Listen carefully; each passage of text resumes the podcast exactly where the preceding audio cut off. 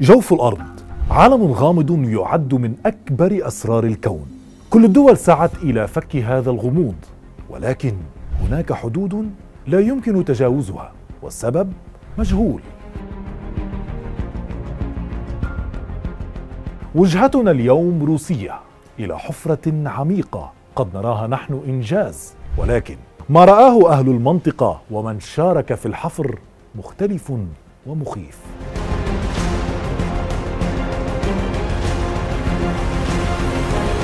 بئر كولا العميق أو كما قيل عنه بئر الجحيم.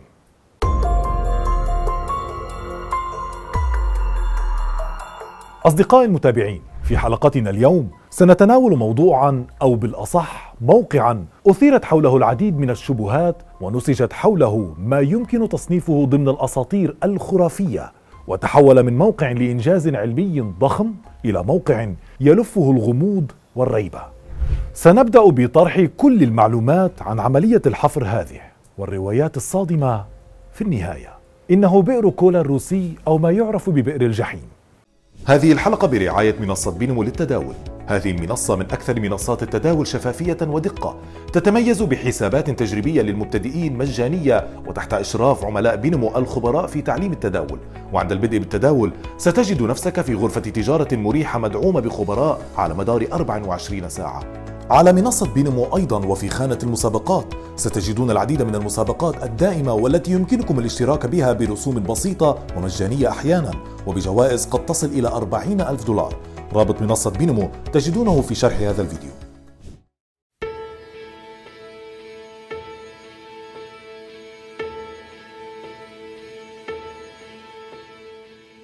بئر كولا الروسي أو ما يعرف ب Kola Superdeep Borehole.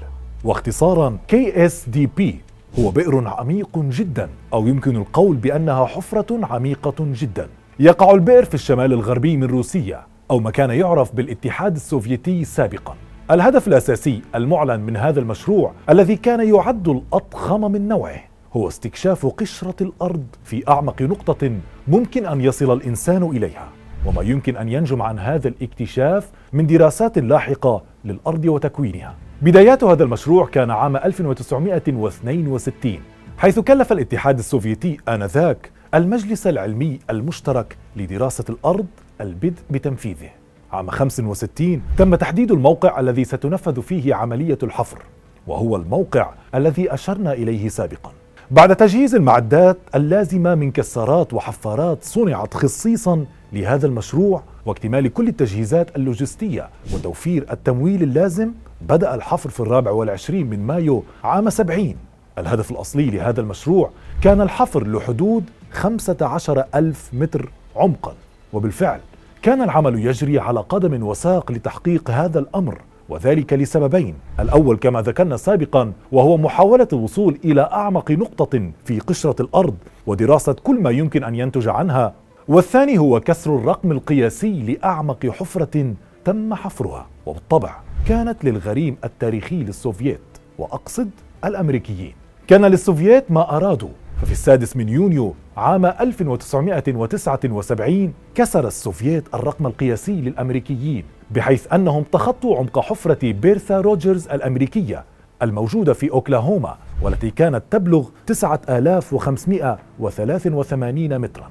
تابعت عمليات الحفر مسيرها لتصل إلى 12 ألف متر في العام 83 الوصول إلى هذا الحد الغير مسبوق من العمق عبر القشرة الأرضية استدعى احتفالات كبيرة من الاتحاد السوفيتي. لذلك توقف العمل في المشروع لمدة سنة حيث حظي موقع العمل بزيارات من الكثير من السياسيين والعلماء والإعلاميين والمشاهير على حد سواء. التوقف لمدة سنة وسير العمل البطيء أدى لحدوث ما لم يكن بالحسبان. ففي السابع والعشرين من سبتمبر عام 84 وبعد بلوغ الحفر 12066 مترا حدث هبوط لخمسة آلاف متر من التربة إلى داخل البئر المحفور.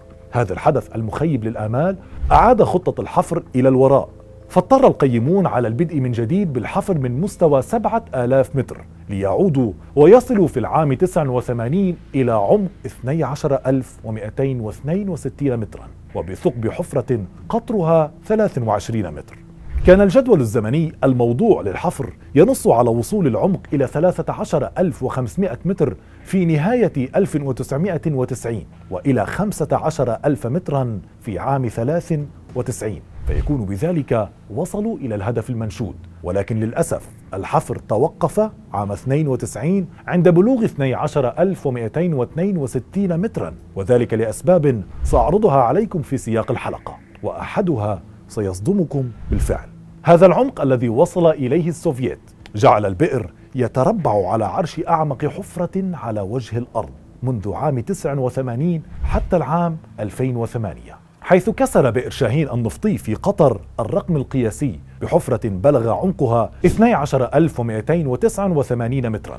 إذا توقف الحفر عند عمق 12262 مترا وبالطبع الأرض فاضت بما كانت تخبئه.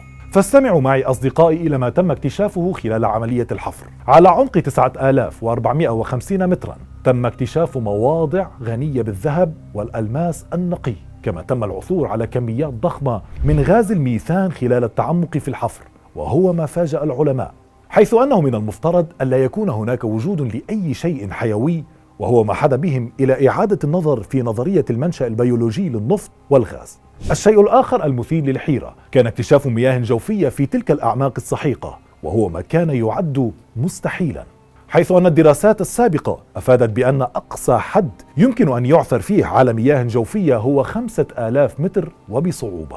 فماذا عن المياه التي وجدت على عمق 12 ألف مترا؟ العلماء عزوا هذا الأمر إلى أن منشأ المياه كان من معادن قشرة الأرض العميقة والتي لم تستطع الوصول إلى سطح الأرض بسبب صخور غير منفذة للماء. وسأزيدكم من الشعر بيتا. المياه المكتشفة كانت ذات درجة حرارة عالية جدا. لماذا؟ سنعرف لاحقا. على عمق سبعة آلاف متر وجدت حفريات مجهرية تعرف باسم العوالق ب 24 نوعا من الكائنات الحية لنباتات وخلايا بحرية ذات أحادية الخلية ميتة منذ زمن طويل. خلال الحفر خرجت كميات كبيرة من الطين والملفت للنظر أن هذا الطين كان مشبعا بالهيدروجين وهو ما دفع العلماء لوصفه بطين يغلي بالهيدروجين. هذه البئر مكنت العلماء من معرفة ما كان يحدث في الأرض قبل 2.5 مليار سنة من خلال الصخور المكتشفة والمعادن المستخرجة والتي قدر عمرها ب 2.5 مليار سنة. كما أن ما اكتشف خلال الحفر من أحفوريات دل على أن الحياة على كوكب الأرض قد بدأت قبل أكثر من 1.5 مليار سنة. نصل إلى أغرب ما تم اكتشافه. أنصتوا جيدا. على عمق ما بين ثلاثة آلاف إلى أربعة آلاف متر. استخرج العلماء تربة بقصد معين. فهل تعلمون ما هو؟ سأخبركم. العلماء القيمين على المشروع. طلبوا من رواد سفينة فضاء سوفيتية أن يحضروا عينة من تربة قمرية أي تربة من سطح القمر فقارنوها مع التربة المستخرجة من أعماق الأرض لتأتي نتائج العينتان متطابقتان تماما مما عزز فرضية أن القمر والأرض كانا شيئا واحدا في وقت ما حسنا إذا استفاد العلماء من الحفر وتم تحطيم الرقم القياسي ولكن لماذا توقف الحفر؟ عدة أسباب أدت إلى توقف الحفر وعدم بلوغ الهدف المنشود سأسردها فيما يلي.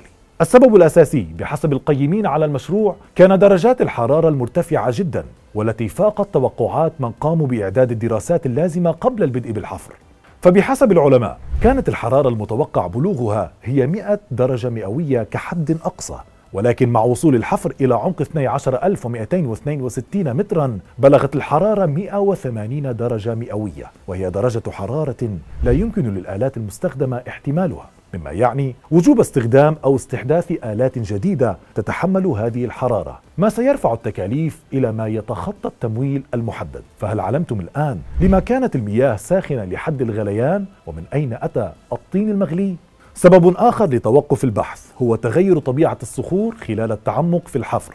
فقد بدأت الصخور تتحول إلى ما يشبه البلاستيك المقوى وهو ما صعب من عملية استكمال الحفر. هذه الصخور هي التي حبست المياه المكتشفة من الخروج إلى سطح الأرض. انهيار الاتحاد السوفيتي عام 91 أدى إلى وقف التمويل وبالتالي توقف المشروع عن العمل. أغلق المشروع رسميا عام 2005 وبيعت معدات الأبحاث كخردة ليتم ردم الحفرة في العام 2008 وإغلاقها بغطاء حديدي ثقيل لا يمكن فتحه. ما ستسمعونه تاليا سيثير صدمتكم فعلا. أهالي تلك المنطقة يقسمون أنهم يسمعون أصواتا كالصراخ الناجم عن التعذيب يخرج من أسفل الغطاء بل أنهم أطلقوا على الغطاء اسم غطاء بئر الجحيم. هذا يوصلنا إلى أحد أسباب التوقف الذي أخبرتكم أنه سيصدمكم. مستعدون؟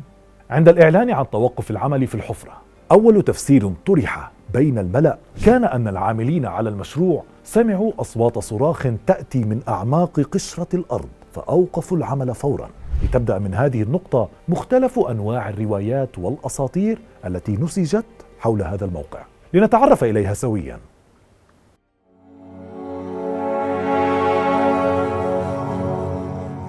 كما أخبرتكم سابقا أن العديد من الأساطير نسجت حول هذا الموقع ولعل أبرزها ما زعم أن العلماء أنزلوا خلال الحفر ميكروفونات شديدة الحساسية لعلهم يتمكنون من سماع حركة طبقات الأرض. ولكن الذي شكل الصدمة لهم كان رصد أصوات غريبة وصراخ ملايين الناس المعذبة كما وصفوهم في أسفل باطن الأرض. مرعب. وما أكد هذه المزاعم هو ما عنونته الصحف الفنلندية والسويدية بالبنط العريض تحت عنوان الروس أطلقوا سراح الشيطان من الجحيم. آخرون زعموا أنهم شاهدوا أطياف شبحية لخفافيش من داخل الحفرة فاعتبروها رسالة من عالم آخر وبالتحديد من عالم الجحيم وسكانه فهالهم الأمر ودفعهم لوقف الحفر فورا. إن كنتم تظنون أن هذه الروايات لم يؤيدها أحد من أهل العلم فأنتم مخطئون. لأنه في مقال نشرته صحيفة أمنيستا الفنلندية عن حفرة كولا استضافت فيه مدير مشروع الحفر الجيولوجي الدكتور ديمتري أزاكوف. أكد أزاكوف صحة هذه المزاعم وأن الجيولوجيين أصيبوا بالذهول بعدما وصلوا في الحفر إلى عدة كيلومترات في عمق القشرة الأرضية. رواية أخرى روج لها أستاذ المدرسة النرويجي آجي ريندالين زعم فيها عن خروج مخلوقات تشبه الخفافيش من الحفرة. لينتشر الخبر على وسائل الإعلام والتواصل الاجتماعي كانتشار النار في الهشيم. مرفقا بالتسجيل الصوتي الذي حصل عليه العلماء من الميكروفونات الحساسة. غريب. ولكن ماذا كان برأيكم رد العلماء الروس المسؤولين عن مشروع كولا ببساطة؟ العلماء لم يؤكدوا حصول أي من هذه المزاعم بل اكتفوا بتأكيد التسجيل الصوتي. وعللوه بأنه أصوات لحركة طبقات الأرض. بعض الروايات تقول أن الحفر توقف فورا بعد هذا التسجيل. فلماذا برأيكم يا ترى؟ دعوني أسألكم شيئا. هل تظنون أن بئر كولا هو الحفرة الاصطناعية الوحيدة في العالم؟ بالطبع لا فيوجد غيرها الكثير. سأذكر بعضها تاليا. كان وما زال السباق لاستكشاف باطن الأرض وأعماقها السحيقة يعد بمثابة استعراض للقوة العسكرية والعلمية والتكنولوجية لأي دولة تقوم بخوض غمار هذه التجربة. كما أن العلماء يضعون العينات المستخرجة من باطن الأرض بذات درجات الأهمية التي يولونها للعينات التي تصلهم من القمر أو المريخ عبر البعثات الفضائية. لذلك سعت العديد من الدول لحفر أعمق حفرة يمكن الوصول من خلالها إلى أبعد نقطة بعد القشرة الأرضية. فأطلقت الولايات المتحدة شرارة سباق الحفر في أواخر الخمسينات عبر مشروع موهول الذي سمي نسبة إلى ما يعرف جيولوجيا بانقطاع موهو.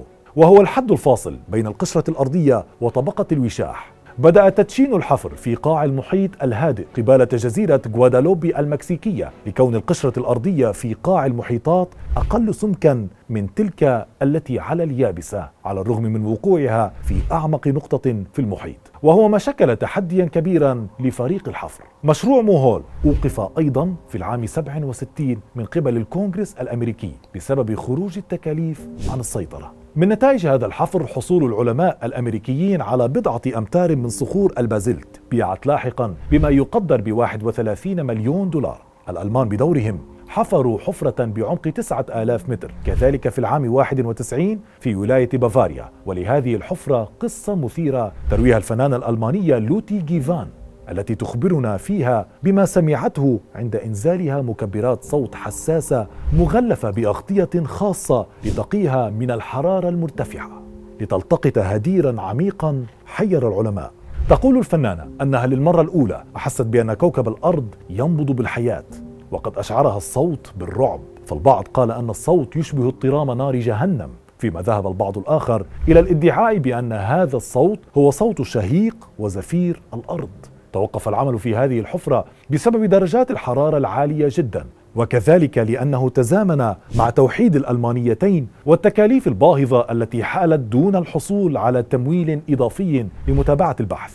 إلا أن معدات الحفر ما زالت قائمة في الموقع الألماني. فهل يمكن أن تكمل ألمانيا ما بدأته يوما ما؟ في وقتنا الحالي ينفذ البرنامج الدولي لاستكشاف المحيطات بقيادة اليابان مشروعات مشابهة للوصول إلى أعمق نقطة في باطن الأرض من خلال الحفر في قاع المحيطات باستخدام تقنيات أحدث من سابقاتها بتمويل كبير جدا يصل إلى الملايين من اليوروهات علهم يتمكنون ولو بشكل بسيط من كشف بعض أسرار الأرض وباطنها. اهتمام الدول الكبرى بموضوع باطن الأرض غريب وكأنهم يعلمون شيئا ويريدون تأكيد ما نجهله كلنا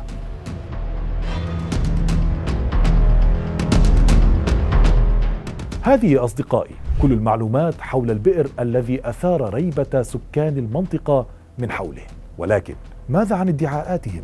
هل يمكن أن يكون ما ذكره العالم الجيولوجي وأستاذ المدرسة النرويجي حقيقة وتم التكتم عليها لغاية في نفس يعقوب؟ وماذا عن قصد نظراء السوفييت حينما اتهموهم بأنهم أطلقوا الشيطان؟ ولماذا لم تستكمل عمليات الحفر في البئر رغم كل ما تشهده من تطور علمي وتكنولوجي من حولنا لا أحد يعلم